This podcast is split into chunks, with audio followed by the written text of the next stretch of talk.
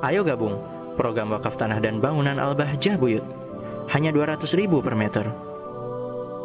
Tiba-tiba ada orang datang kepada kamu sambil ngomong, santri Al-Bahjah, banin, banat, kamu tahu tidak, barusan saya infak satu miliar. Hmm. Nih kuitansinya, satu miliar. Ini orang ikhlas bukan? Orang ikhlas bukan? Orang ikhlas bukan? Jangan nilai orang masih menilai. Nah ini. Hah? Ini. Sudah dikasih ilmu jangan menilai orang masih meni menilai. Orang ikhlas ini nggak tahu urusan dia. Karena hakikat yang ikh, tahu ikhlas adalah Allah. Baru dikasih ilmu ikhlas sudah nilai orang. Hmm?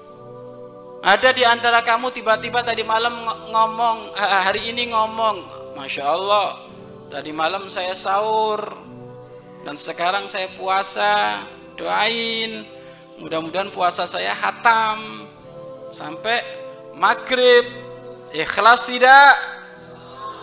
Ikhlas tidak? Insya Allah ikhlas. Eh?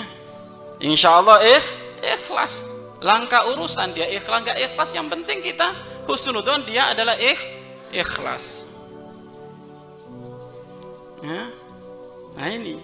Tetapi kalau itu muncul dari dirimu sendiri, lah kok pengennya pamer, ya, pengennya ini, pengennya itu, nah ini yang kita tengok. Berarti diri kita ini kena penyakit virus ri, ria, ya. Jadi ingat Kenapa yang infak satu miliar itu dikatakan bisa jadi ikhlas? Bisa jadi.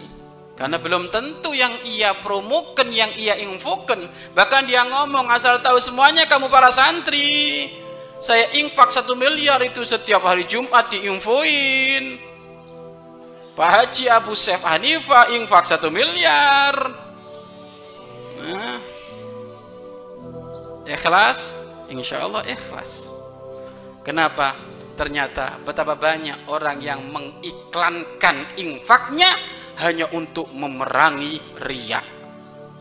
Yang diinfoin satu miliar yang tidak diinfoin 5 miliar.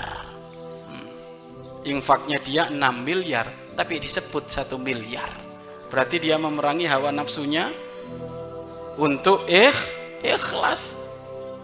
Yang diinfoin cuma 50 ribu padahal ngasih 5 juta Makanya jangan jelek prasang prasangka.